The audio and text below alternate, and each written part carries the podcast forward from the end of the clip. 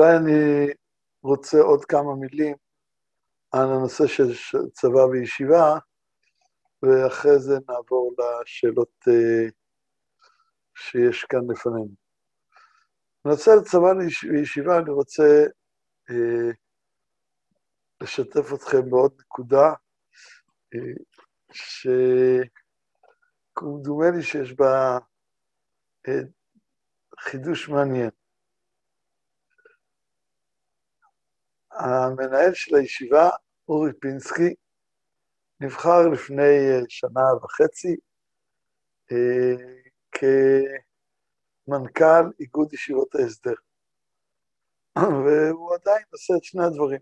הוא הרוב שמה ומעט אצלנו, הוא מספיק אה, מוכשר כדי לעשות את שני הדברים,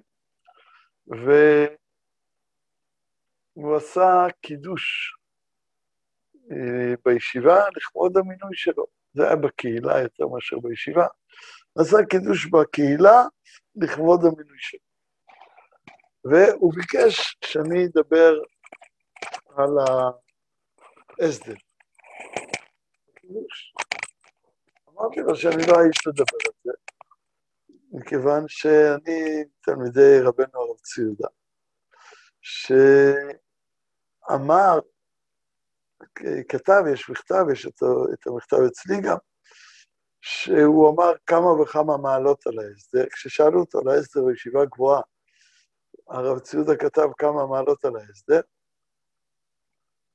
ואחר כך הוא אומר, אבל למעלה בקודש זה הישיבות הגבוהות. אמרתי לו, אני תלמיד הרב ציודה, שכתב שלמעלה בקודש זה הישיבות הגבוהות, והאמת היא שהיינו רוצים כאן ישיבה גבוהה, אבל באנו לגוש דן, התאמה למקום.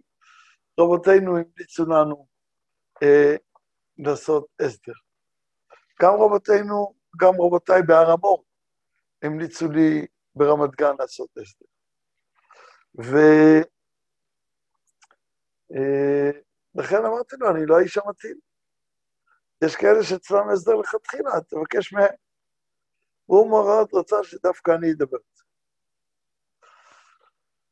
לקראת uh, שבת התנצץ אצלי רעיון שאמרתי שמה, וזה אמרתי את זה בנוכחות uh, הרב אריאל, שגם היה באותו קידוש, שגם דיבר כמובן לפניי, והרב אריאל היה במאור פנים לרעיון. רעיון מעניין. אז אני רוצה להציע בפניכם את הרעיון. הציונות הדתית, יש בה איזו תופעה היסטורית מיוחדת שיש מקום לשים אליה לב. והיא שרוב בני הציונות הדתית באים מבתים חסידיים. בכלל, רוב היהדות האשכנז הייתה חסידית. היהדות של שדות המזרח היא עוד סיפור. לא ניכנס uh, לכל הפרטים, אבל קודם כל היא גם נטטה לחסידות, יותר מאשר לליטאיות, אם כי היום זה קצת השתנה, אבל uh, בחלקה הגדול היא נטטה יותר לחסידות. וגם שבסך הכל כל עדות המזרח לפני השואה היו 8 אחוז, ו-92 אחוז היו אשכנזים. לצערנו, בעקבות השואה זה השתנה, והיום uh, כ-20 אחוז ו-80 אחוז uh, אשכנזים, כך שפרופורציונלית זה גם אחרת. ובתוך האשכנזים, למעלה מ-60 אחוז היו חסידים ופחות מ-40 אחוז היו ליטאים. זה הנתונים שאני מכיר. ולכן, אה, גם בציונות הדתית הרוב באו ממקום חסידי. ולמרות זאת, בציונות הדתית ההנהגה הייתה הרבה יותר uh, ליטאית. גם uh, רבנו ארצי יהודה, גם אחרים, כמו uh, הרב uh, גולדוויכט, הרב של כרם בים, הרב ליכטינשטיין, הרב של uh, uh, הר עציון, ועוד. אז היו הרבה אה, חסידים והנהגה ליטאית. בואו ניקח דוגמה כדי לחדד את זה. אה, הרב אריאל בא מבית חסידי. הרב דרוקמן בא מבית חסידי. הרב זלמן מלמד בא מבית חסידי.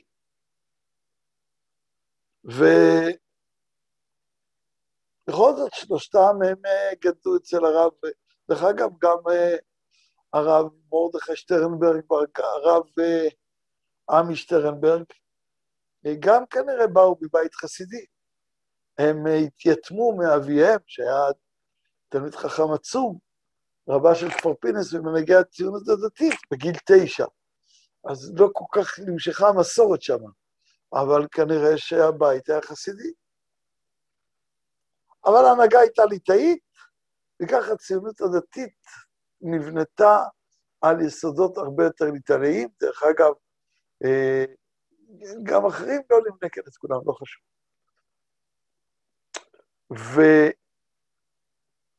והיום יש קצת אה, התעוררות של החסידות חזרה.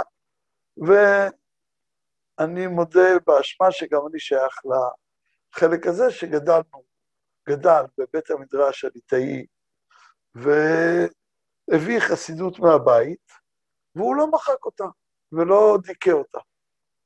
יש לא מעט כאלה, ואני מת. יש כאלה שהביאו את החסידות לא מהבית, אבל ראו בה מרכיב חשוב. על כל פנים, אני רוצה לשטוח בפניכם מחלוקת פחות מפורסמת בין הליטאים לחסידים. והיא על משקל לימוד התורה מול המצוות ומול החיים בכלל. העולם הליטאי הקים את מה שמכונה חבורת הלומדים. כלומר שיש אוכלוסייה שהלימוד וההשקעה שנים רבות, ואפילו אה, כל החיים. אתמול הייתי בברית מילה, והדוד של האימא של הברית למד אה, שנתיים מתחתיי, או שנה מתחתיי בישיבה לצעירים, נעשה חזון אישניק, והוא היה אתמול, אחרי הרבה זמן שלא נפגשנו, אה, אנחנו נפגשים מברית לברית אצל האחיינית שלו, ואחרי הרבה שנים שלא נפגשנו, כמה שנים היו בנות, אה, נפגשנו אתמול, ושאלתי אותו מה הוא עושה, הוא עדיין כולל חזון איש. היהודי בן 56, או משהו כזה לחשבוני, ועדיין כולל חזון איש. זה חבורת הלומדים כל החיים ללמוד תורה. לא ללמד, לא לעבוד, וזה, כל החיים ללמוד תורה. אשתו מפרנסת בדרך כזאת או אחרת, אולי הוא גם עוזר לפרנסה. חיים בפשטות מאוד מאוד גדולה, פת במלח, מים במשורה, ובתורה תאמן. יהודי מתוק מדבש, וזה אה, הדרך הליטאית. אצל חסידים זה לא היה ככה, אף פעם. אצל חסידים המשקל של המצוות היה הרבה יותר גדול, והיציאה לעבוד הייתה דרך הרבה יותר סלולה לרבים. לכן היה אצלי פעם האיש של הרבה מבלז, שממונה מטעם הרבה על כל היציאה לחיים. הוא אמר לי, 90 אחוז ומעלה יוצאים בממוצע בגיל 21. בין 20 ל-22 יוצאים לעבוד, גומרים את חוק לימודיהם ויוצאים לעבוד.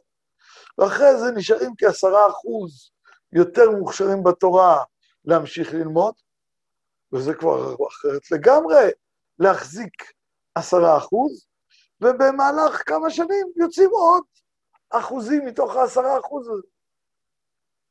זה ממש לא דומה לעולם הליטאי.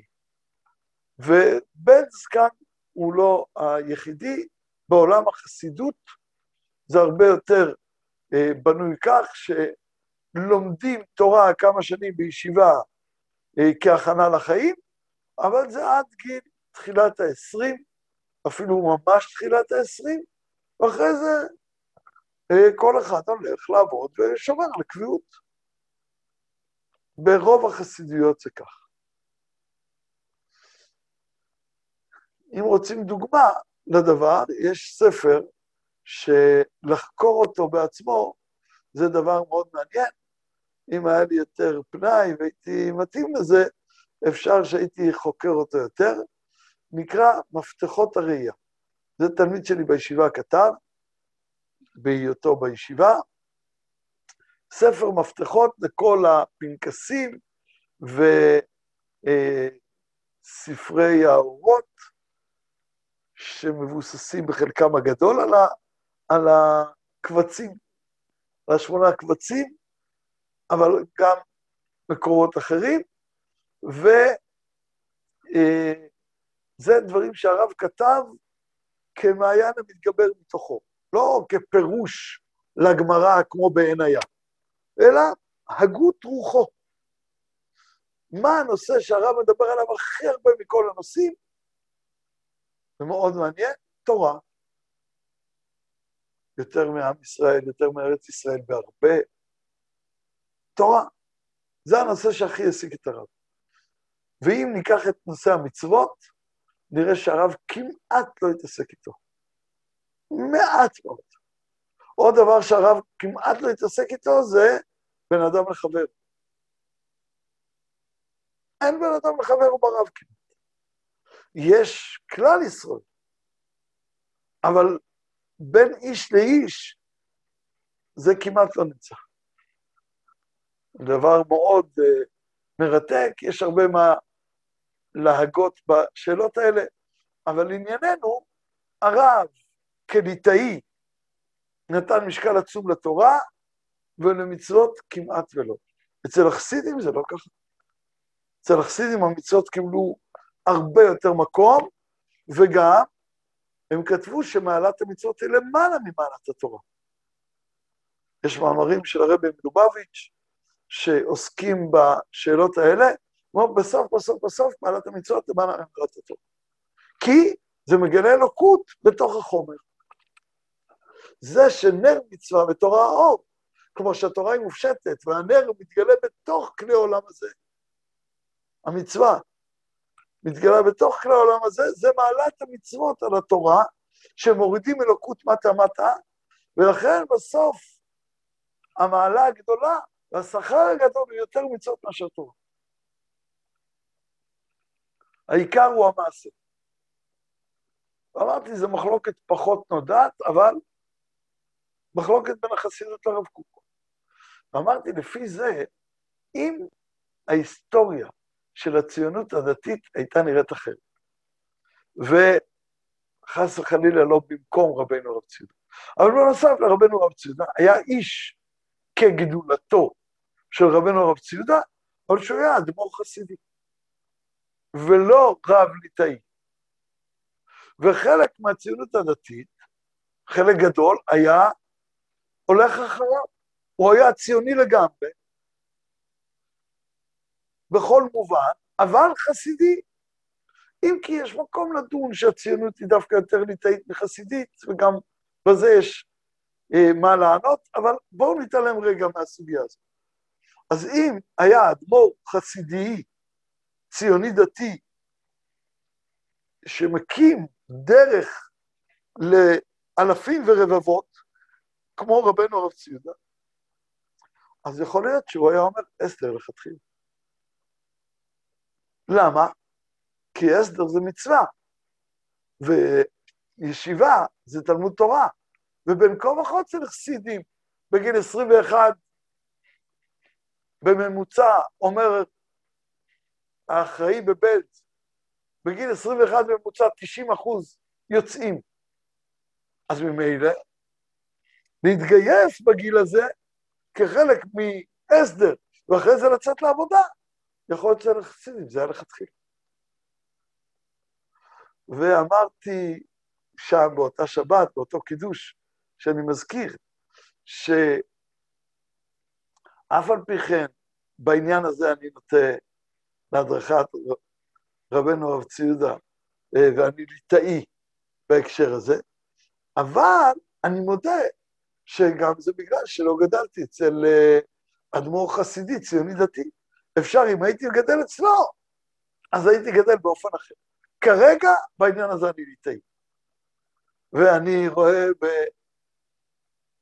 בעולם הישיבות הגבוהות את גולת הכותרת של התורה ו- ואת הקטר שמושך אחריו את הקרונות. אבל אפשר, אם הייתי עם אדמו"ר חסידי ציוני גדול, יכול להיות שהיה דרך אחרת. טוב, זה רק עוד הערה לגבי הדברים שראינו. אם יש שאלות עד פה, בבקשה, אם לא, אנחנו ממשיכים לנושאים הבאים שמיכל בטובה מביאה לפנינו.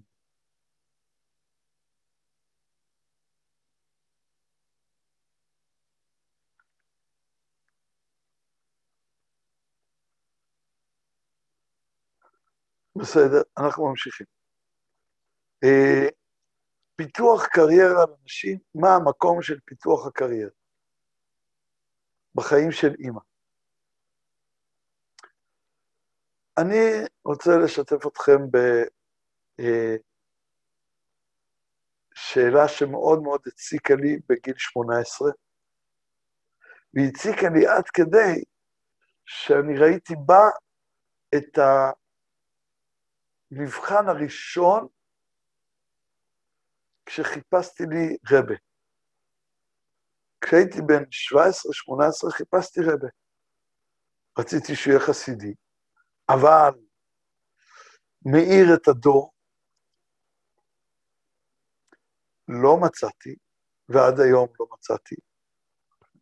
ואחרי שנים לאט לאט הבנתי שאני לא כל כך מחפש רבה, כי חלק מתורת ארץ ישראל זה שהיחס בין התלמידים לרב הוא לא כזה מבטל כמו אצל חסידים. ואם יורשה לי, אני מקווה שאני לא מרגיז אף אחת, מבחינתי אפילו לא כמו בהר המור. כלומר, גם בהר המור הביטול לרב אחד וה... הוא קצת יותר מדי בשבילי, אני מודה. אני רואה את הרב טאו כגדול הדור. בהסברת תורת הרב קוק, ושאין דומה לו, ואת דעותיו אני מקשיב רוב קשר, כתלמיד לפני רבו. אבל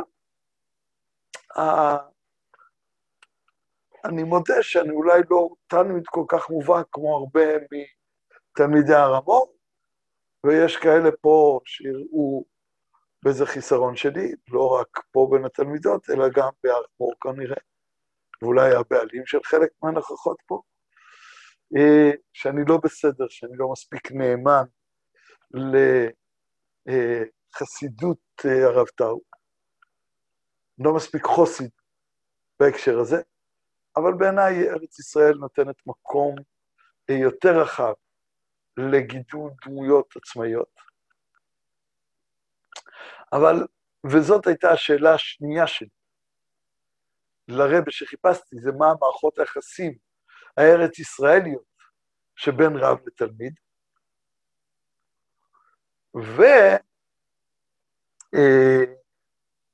והשאלה אה, הראשונה שלי הייתה, היא נוגעת לשאלה פה שמיכל הביאה, אני ניסחתי אותה בחדות, אני חושב שהיא מייצגת משהו הרבה יותר רחב מזה, זה מה אשתי צריכה לעשות בפורים.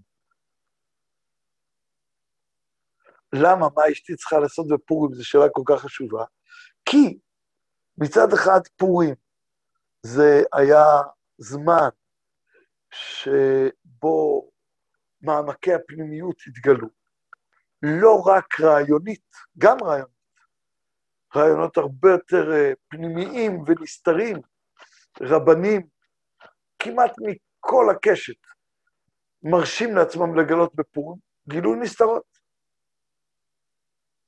נכנס יין, יצא סוד. אבל זה לא רק ברעיונות, אלא גם בכוחות החיים שעל ידי השתייה מתגלים עוצמות חיים שהם נסתרים ביום-יום ונשמרים באיזה אה, גבולות יותר אה, מתונים ויותר אה, מסמנים קווים בהירים של מה כן ומה לא, ובפורים יש משהו חופשי. ובעיניי זה דבר מאוד מאוד גדול, יקר וחשוב, ואני אתן לכם סימן לעניין הזה. מי שמכם הייתה, ואני מניח שלפחות רובכן היו, בעזרת נשים בפורים של ישיבות, יכולה לגלות דבר מאוד מעניין. נתחיל אולי קודם כל מחז"ל. חז"ל אומרים, לא בדיוק את המילים האלה, אבל קרוב למילים האלה, שאחר כך זה יתפרסם במילים האלה, שכיפורים הוא רק כמו פורים. ואני חושב שמי שנמצאת בפורים בעולם הישיבה, וביטאה על זה מעזרת נשים, וגם ביום הכיפורים, יכולה לגלות דבר מאוד מאוד מעניין, וזה שמתי בוכים יותר על העוונות? בפורים או ביום הכיפורים? בפורים. למה? בעיניי כיפורים זה תשובה מאהבה, משמחה. והדור שלנו הרבה יותר מוכשר לשוב מאהבה ומשמחה. ולכן כשהוא שותה יין, הוא פתאום עם הרהורי תשובה מופלאים לאהבת השם ושמחה בקרבתו. ואילו ביראה שמתגלית יותר ביום הכיפורים, יש לנו הרבה פחות אה, מקום. ולכן, בבתי המדרש רואים בגלוי שיום הכיפורים הוא רק כמו פורים. אז כיוון שפורים הוא כל כך יקר בעבודת השם, ודווקא היקרות הזאת לא מצאתי דרך איך נשים יהיו זוכות באופן המתאים לנשים לחג הפורים. וחשבתי שזו שאלה ארץ ישראל מצוינת, שמקרינה על כל שאלת הנשים, שבעצם שתי השאלות הבאות, ואולי האחרונות שיש לנו, זה מעמד האישה. אחד זה הקריירה, והשני זה שירות נשים. אז זה מקרין על כל זה. ואני חיפשתי מישהו שיגיד לי מה אשתי צריכה לעשות בפורים.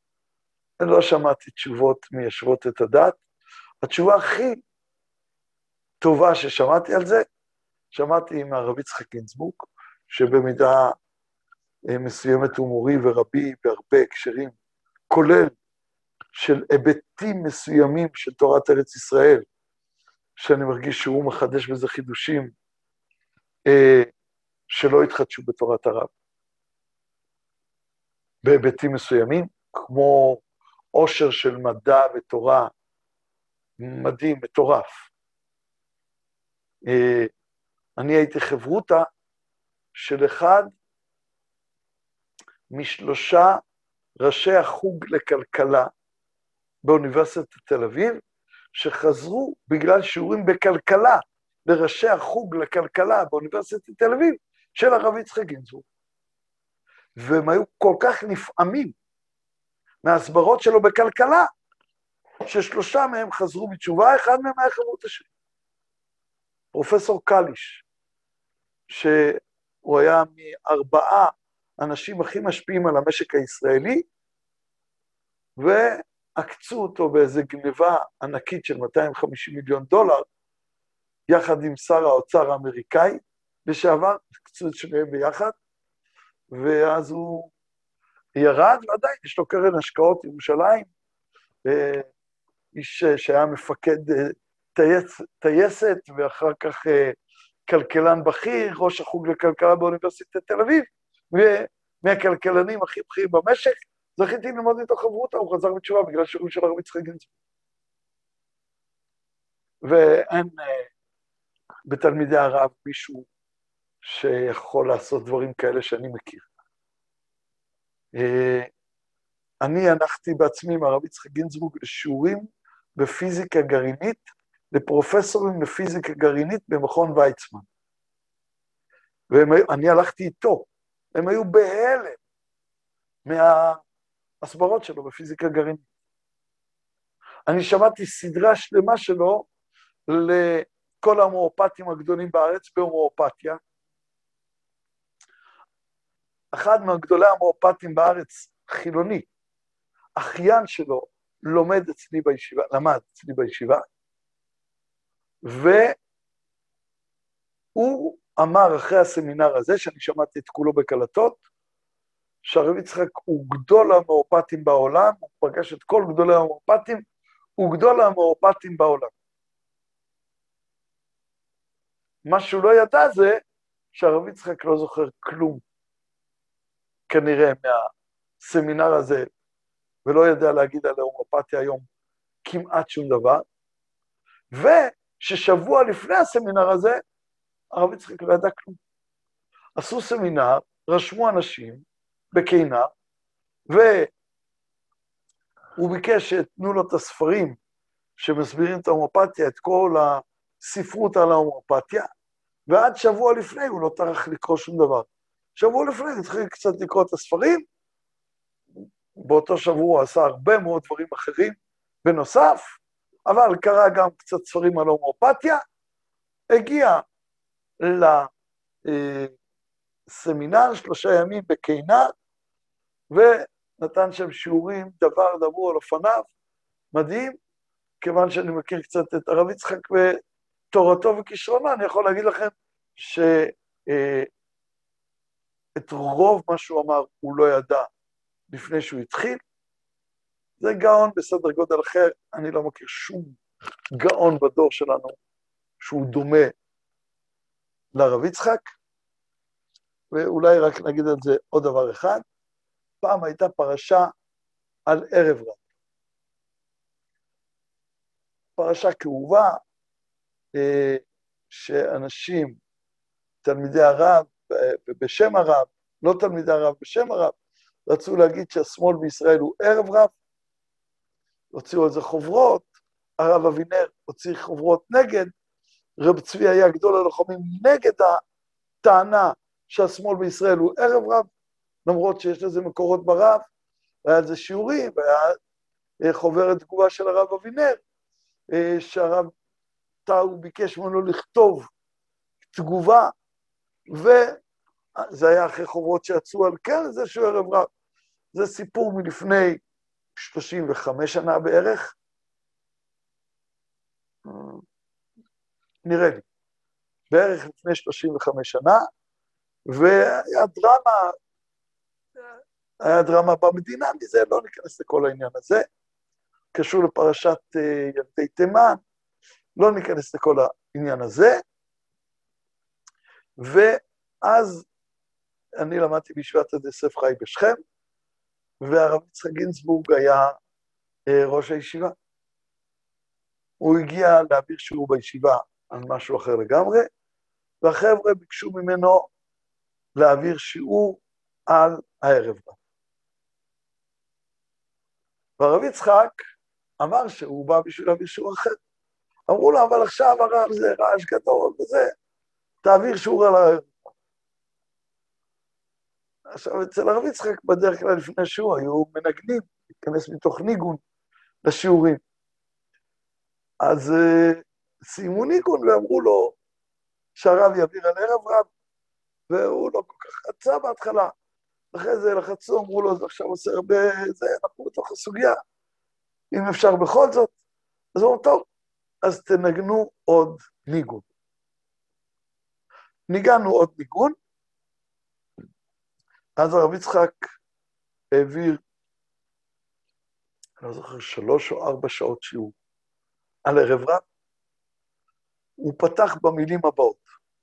בכתבי הארי הקדוש, אנחנו מוצאים שלוש פעמים שהוא מדבר על סוגיית הערב רב, והוא שטח את שלושת הפעמים, ואז התחיל, אני חושב שזה דברים שגם יצאו לאור, אני לא בטוח, הם בוודאי היו מוקלטים, ואולי אפשר להשיג את כל מה שאני אומר לכם ולשמוע את זה.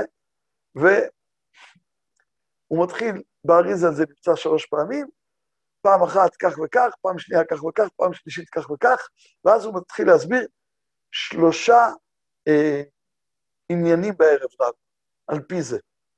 שלוש-ארבע שעות, הוא מסיים, כולם מותשים לגמרי מהחשבונות שהוא עשה, אה,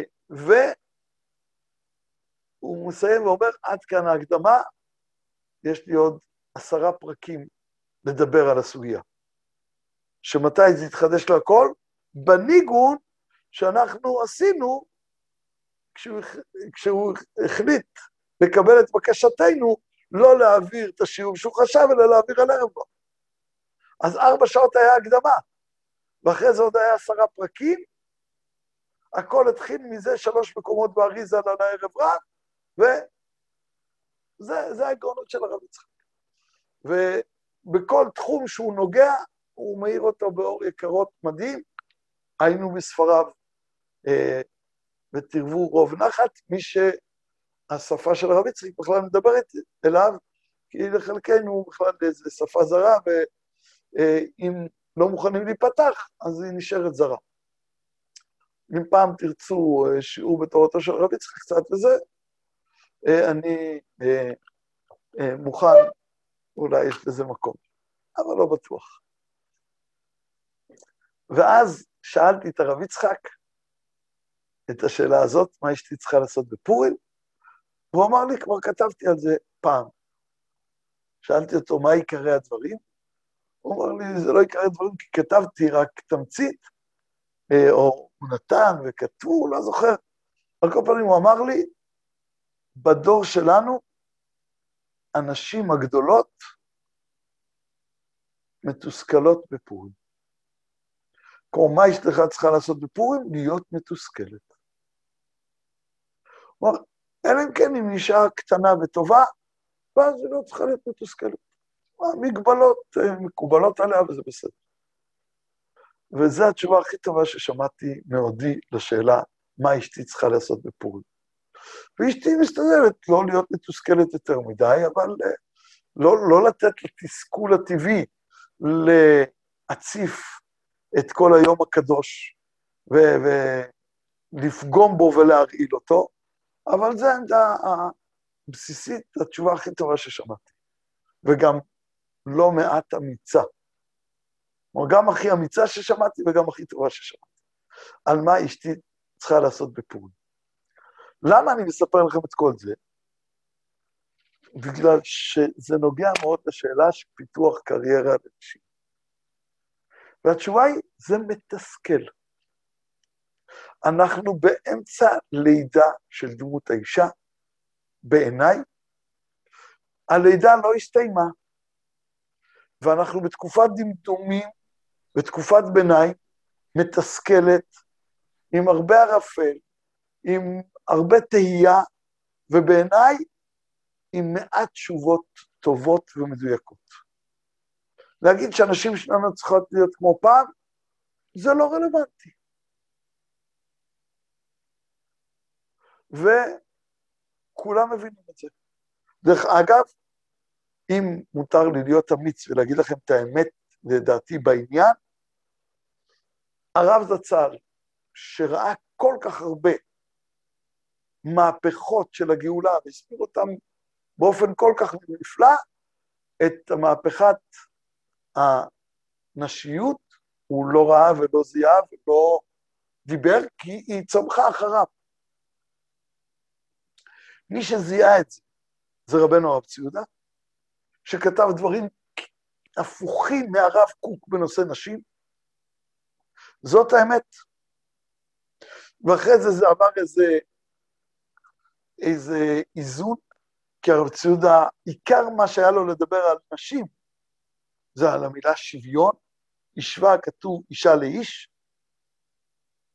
שזה מאמר חז"ל שנוגע להיבט מאוד מאוד מוגבל בדמות איש ואישה. הרב זצ"ל מאוד חידד את הפער בין איש ואישה. איש הוא שכלי, אישה היא רגשית, וכל פעם שצריך לדבר על איש ואישה, הרב דיבר על שכל ורגש כמעט תמיד. הרבה היום מתלמידיו מסבירים שכל ורגש וזה נשאר שמה.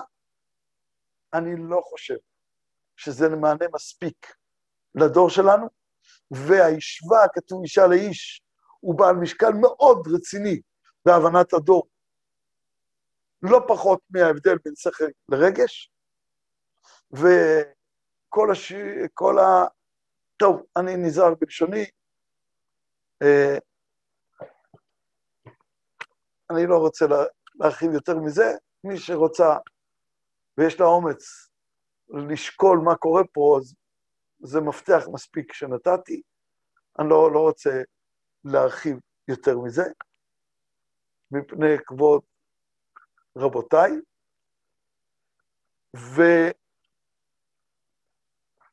ואני חושב ששאלת הקריירה, את האמת, היא שאלה לא פתורה. ואם מישהו יגיד לכם שיש לו פתרון לעניין הזה, אז אני אגיד לו שהפתרון הכי טוב שאני שמעתי לעניין הזה, זה שאישה אמיתית לא יכולה לקבל פתרון לא מתסכל. כל הפתרונות מתסכלים בעיניי. ולכן אנחנו צריכים ללכת בין הטיפות של תסכולים מכאן ותסכולים מכאן. זו דעתי בעניין. למה? כי דמות האישה באמצע תהליך לידה. יש המון קליפות בלידה הזאת, של פמיניזם, ועוד יותר מזה, הטט של הלהט"ביזם, שהוא החלק הכי מטורף וטמא בלהט"ביזם, זה הטט, שבעצם מבטל בכלל את ההבדל בין איש לאישה לגמרי, ועושה מאישה איש ומאיש אישה. והפמיניזם, גם אם לא ביולוגית, גופנית, אבל במידה מרובה תרבותית, רצה לעשות מאישה איש, במידה מסוימת קצת גם מאיש אישה, אבל הרבה יותר עניין אותו לעשות מאישה איש, וזה בעיניי לא הפתרון בכלל. וחלק מזה זה קליפות מרות שאנחנו נזרוק, והם יישארו בשולי הדרך של ההיסטוריה של עדת האישה, ומצד שני, מה כן ומה לא, בייחוד כשאף אחת מכן לא צריכה לכבס ביד, זה נגמר הדבר הזה. וגם לבשל לוקח הרבה פחות זמן. אני אגלה לכם סוד, אפשר היום לעשות הרבה דברים אה, מוכנים, או אם חלקכם מספיק עמידות, אז אפילו לקנות מוכן לגמרי. ובישול לוקח היום הרבה פחות מאשר פעם. ואם רוצים ללמוד איך שזה ייקח הרבה פחות, זה קל. וחלק מכן בעתיד יהיו מספיק עמידות כדי לפעמים גם לקנות מוכן, ולא להשתעבד, לא לבישול. אני, כשהייתי אברך, פשוט רצתי לקנות לאשתי מדיח כלים. למה? אמרתי שאני מוכן לעבוד את השעות שעולה המדיח בשביל לא לראות את אשתי עובד פי חמש שעות בשטיפת כלים. זה לא מתקבל על דעתי. אז גם כשהייתי כמו שלא מתקבל על דעתי שהיא תעשה כביסה. לא משנה כמה שעות אני אצטרך להתאמץ כדי לקנות מכונת כביסה. לגלות לכם סוד, קיבלנו מכונת כביסה לחתונה. נורא מפתיע, נכון? אז אני אמרתי, מה ההבדל בין מכונת כביסה למדיח כלים? נכון, שהפער בין המחיר לשעות שזה חוסך יותר גדול במכונת כביסה דרמטית, אבל עדיין בין גודל ההשקעה לגודל חיסכון, גם במדיח כלים זה הרבה יותר טוב. אז לא צריך להדיח כלים, בוודאי לא צריך לעשות כביסה, אפילו לתלות כביסה לא צריך.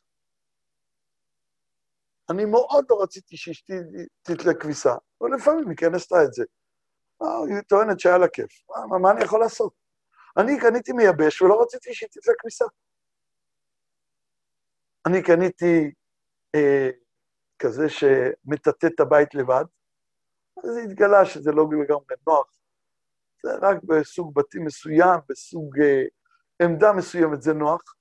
אז נתנו את זה בסוף מתנה לבת שלי כשהיא הייתה אה, בשמירת הריון, ומסתבר שאצלה זה דווקא כן שימושי מאוד. רובוט שמטאטא את הבית, אני הלכתי להתעניין מאוד ברובוט ששוטף את הבית. אני עצלן ושונא לעבוד. ברוך השם, אשראי עצלן אני. ושונא לעבוד ולהשקיע בדברים שהם, מי צריך אותם? את הזמן הפנוי שלי, שאני לא עצלן בו, אני רוצה לעשות דברים הרבה יותר רציניים, מאשר לשטוף כלים או, או לכבס או לטאטא את הבית. לכן אני גרופ של אוטומציה. אבל אם יש אוטומציה, אז בסוף אז מה אשתי תעשה? ורק לגדל את הילדים, ואשתי בחרה את זה ושילמה מחירים מאוד כבדים בשביל לגדל את הילדים, במסירות עצומה, וזה גדל לה הרבה מאוד מיכולות התפתחות הקריירה שלה, בבחירה מודעת ורצינית, ולכן היא פיתחה את הקריירה שלה אחרי שהילדים סיימו לגדול. כי היא קיבלה על עצמה שבאחת תמיד היא תהיה בבית לקבל את הילדים. אין דבר כזה שהיא עובדת עד ארבע. אתם מבינים שזה מאוד מאוד הגביל אותה. וגם לא כל יום וכולי. אז היא פיתחה את הקריירה אחרי שגמרה להיות אימא, במידה לא מבוטלת. זו מסירות מדהימה לילדים, ואני מאוד מאוד מקנא בה על העומק של הקשר שלה אל הילדים, שאני לא זכיתי לו. זה לא התחיל רק מההכרעות שלה בנוגע לקריירה, אלא גם בזה שהיא למרות כל הבקשותיי, לא הסכימה אפילו פעם אחת שאני אהיה בהיריון במקומה. תמיד היא הייתה בהיריון, כל הילדים שלנו. אמרתי לה, תני לי לפחות לידה לא הסכימה, קשוחה רצח. בשום פנים ואופן. רק היא ילדה. רק היא העניקה. אתם יודעים איזה קשר עמוק הרבה הרבה יותר עמוק מהמודע בין אימא לילדים נוצר בגלל השלישייה הזאת, הריון, לידה, הנקה, עוד לפני הבחירות של מה קורה אחרי ההנקה.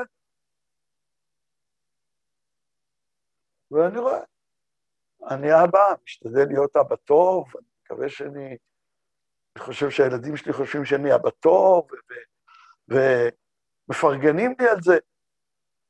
כמה שאני אבא טוב, אני אפילו לא טיפה אימא. אין מה להשוות. ואני. לא צוחק בכלל. זה שאני מדבר עם אה, חידודים ועם שנינויות, אל תבינו לא נכון. אני רציני עד אימה. הקינה שלי באשתי על הקשר שלה עם הילדים היא מאוד מאוד עמוקה. עכשיו, אני מבין שגם את התסכול הזה צריך להכיל ולהתנהל איתו נכון. ולא להיבלע בתוך התסכול. הקדוש ברוך הוא נתן לי את החלקים שלי, בתור אבא. והילדים שלי נעזרים בי בתור אבא, עם יכולות של אבא. ברוך השם, הקדוש ברוך הוא נתן לי איזה יכולות, כשיש להם קשיים וצרות וזה. אני מחודד כאבא, יש לי יכולות לעזור, קשרים, וזה, ואם צריך, משתמשים בי, ו- ותמיד הילדים שלי שמחים שאם יש בעיות, הם יודעים ש... אתם יודעים מה אני עושה באוריה? אני אגיד לכם את האמת מה אני עושה באוריה. למה כתוב שאוריה גם ברשות שלי? מה, מה אני בא בשעה בשבוע? איך, איך מזה נהייתי בראש אוריה? אני אגיד לכם, את כל אוריה מנהל הרב ברוך, הוא עושה הכל, הוא הלב של הכל, הוא מביא את המחנכות, אני לא מתערב בזה, הוא מביא את המנהלות, אני לא מתערב, הוא עושה הכל. אז למה אני, אני אגיד לכם, אם יש משברים, קוראים לי. אני טיפוס שיודע לעזור בשעת משבר. כשאין משברים, אני משועמם. אני מומחה לשעות משבר. אני יזם ומומחה לשעות משבר. אבל ליום-יום אין לי שום כישרון. אם, אם אוריה הייתה תלויה בי ליום-יום, זה היה קטסטרופה. במידה מסוימת, אם היא הייתה תלויה ברב ברוך בשעות משבר, זה גם לא היה מספיק מוצלח. אז לכן, בשעות משבר, אני הכתובת. ואת זה אני יודע להביא. לכן, את זה בתור אבא אני נותן לילדים שלי, יש משברים, באים אליי, אני יודע לעזור. גם אשתי, אבל בזה אולי יש לי אה, משקל יותר גדול.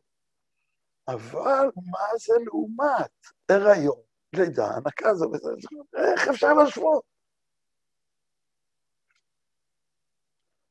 והאם נשים אמורות לוותר על האוצר המדהים של הריון, לידה, הנקה וכל ההשלכות של זה להמשך החיים?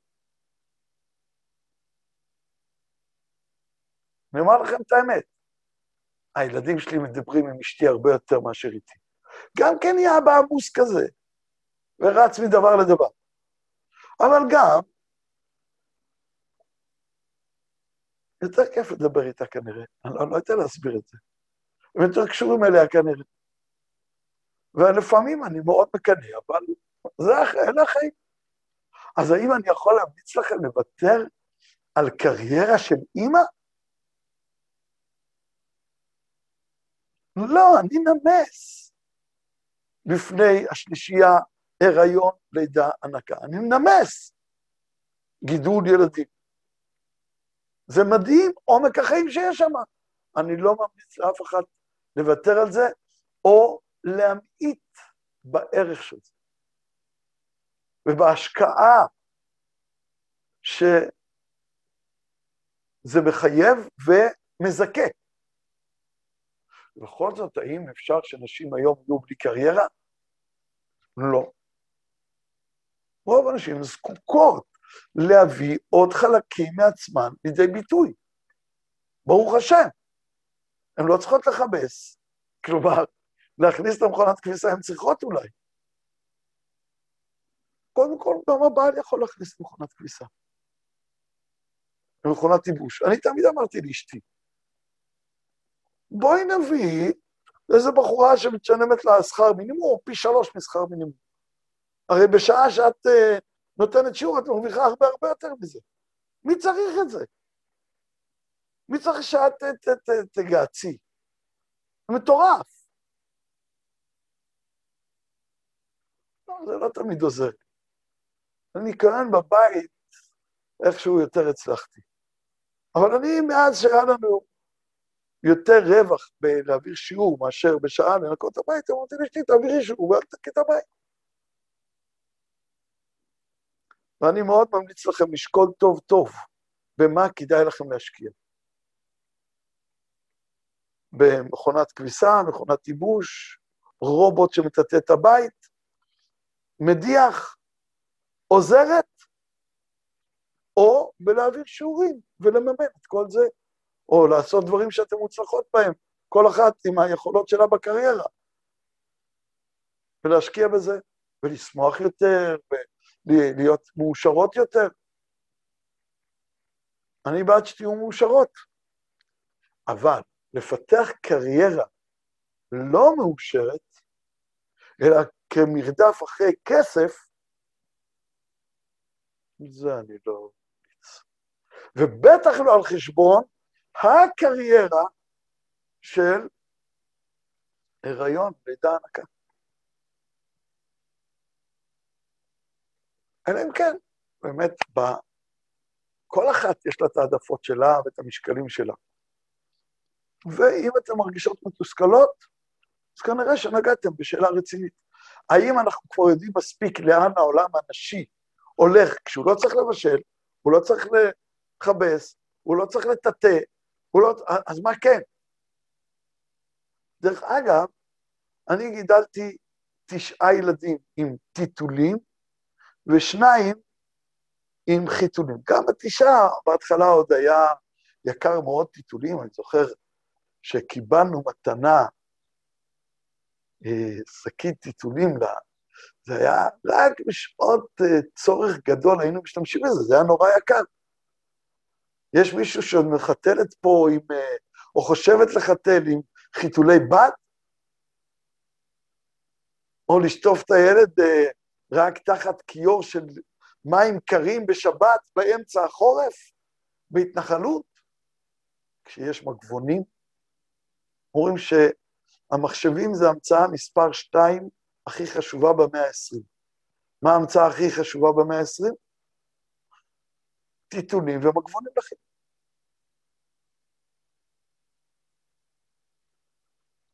אז uh, הכל משתנה לנו לנגד העיניים.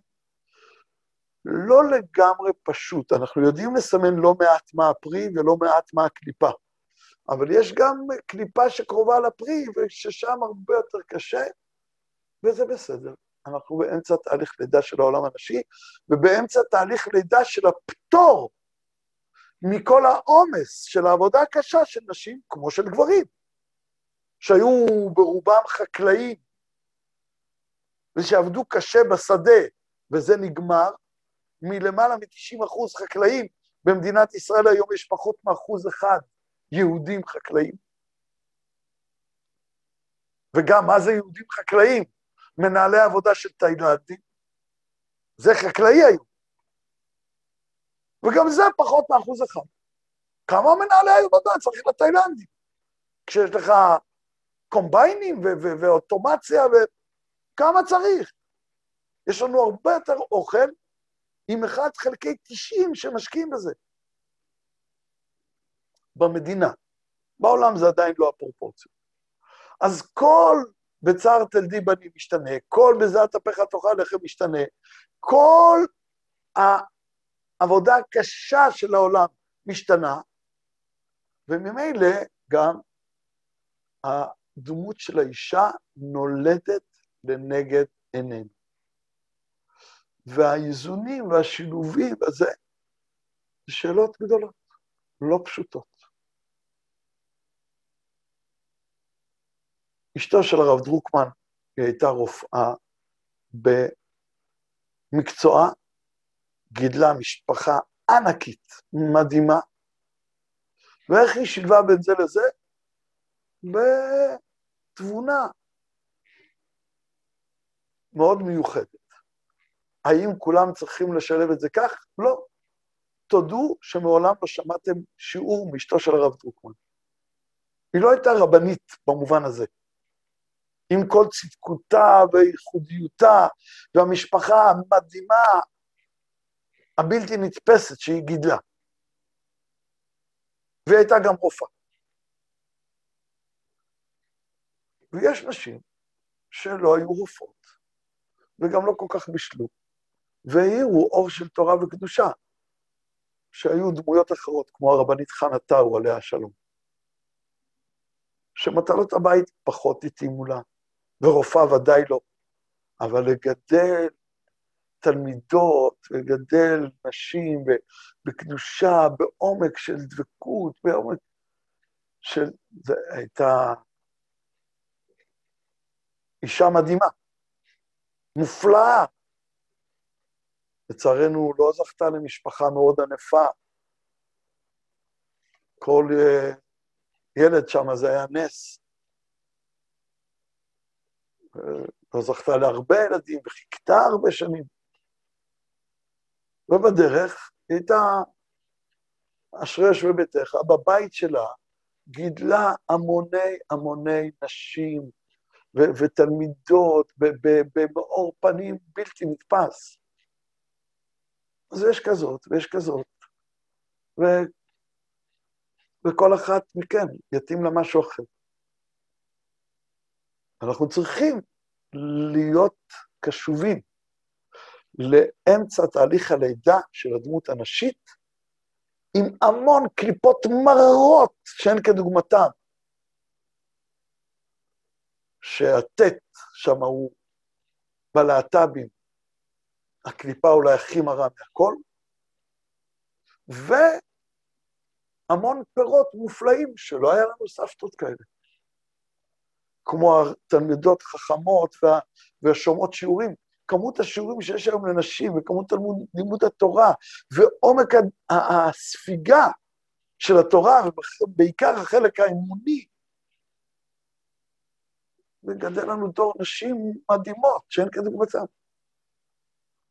ואני לא מאלה שחושבים שלשאלה של פיתוח קריירה מול אה, חיים של אה, אימא, זו תשובה רק אחת לכולן פשוטה, ושהיא נכונה לעוד חמש שנים כמו שהיא נכונה להיום. לא. הרבה הקשבה, הרבה התפעמות. אולי נסיים בסיום על אבי מורי, עליו השלום. ההורים שלי, אה, ואימא שלי עד היום, במידה מסוימת, אה, עמדו שנים רבות בראש מדרשת תשובה. זה לא נועד, זה שהיו שם גם בנות צדיקות זה תאונה. זה נועד לחילוניות, ואם דתיות אז הכי רחוקות שאפשר. לכן קראו לזה שובה, כי הם רצו מעלות תשובה, ולא... אה, הם ניהלו כמה שנים את מכון הוראה. אה, החלק של הבנות של אה, מכון מאיר. אחרי זה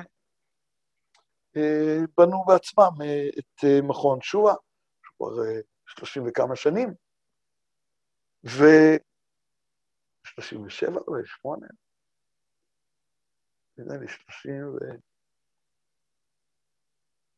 כן, שלושים ושבע או שמונה שנים, הם מנהלים את זה. ואני זוכר את עצמי כל פעם מגיע בתחילת השנה, הייתי מגיע ללמד בשובה, הייתי מורה, ואחרי זה הייתי אה, צריך לנסוע תמיד לעופרה לעזור לאבא שלי. אה, אז כל שנה הייתי מגיע להורים בתחילת השנה, ואבא שלי היה כולו אחוז התפעמות. איזה מחזור חדש הגיע, מדהים, לא היה כזה מאז ששובה נולדה. תמיד היה מלא התפעמות. וכאילו בשנה שעברה הוא לא אמר את זה, וכאילו לא היו דורות עם בעיות uh, מטורפות כשאתה רוצה להביא בנות חילוניות או רחוקות, ולא את הצדיקות דווקא. אז הוא אמר לי פעם, הוא אמר לי, תראה, אנחנו עוברים שינויים מהירים ומטורפים. במה בכלל הם, מהי האנושות, מה זה יהודי עובד השם, ובעיקר מה זה יהודייה עובדת השם. שינויים מטורפים, הכל רץ. ואם אתה חושב להיות מחנך מצוין היום, בדיוק אותו דבר כמו לפני חמש שנים, אתה לא מבין על מה אתה מדבר. וכשהכול רץ לך ואתה לא מספיק להתעדכן וכבר אתה צריך עוד פעם להתחיל את כל העדכון מחדש, אז יש לך רק שתי אפשרויות איך להתייחס לזה. או להיות מתוסכל נורא מזה שאתה לא מחזיק את הקצב, או לעמוד בהתפעמות מהפלאים שהקדוש ברוך הוא עושה לנגד עיניך. אני, ככה הוא סיים, בחרתי את הדרך השנייה. אני ממליץ לכם ללכת בדרך השנייה, להיות מלאות התפעמות מהפלאים שהקדוש ברוך הוא עושה לנגד עינינו, במקום להיות מתוסכלות מזה שאתם לא מדביקות את הקצב בדייקנות, כי הלידה מתרחשת לנגד עינינו, בכלל, של דמות עובד השם ארץ ישראלי, ושל התפקיד הארץ ישראל שלנו. אבל עוד יותר מזה, בשאלת פיתוח הקריירה לאנשים בחיים של אימא. שזה בכלל אץ רץ לו מטורף, והכי כדאי לכם להיות מלאות התפעמות מהפלאים שהקדוש ברוך הוא עושה לנגד עינינו. תודה רבה.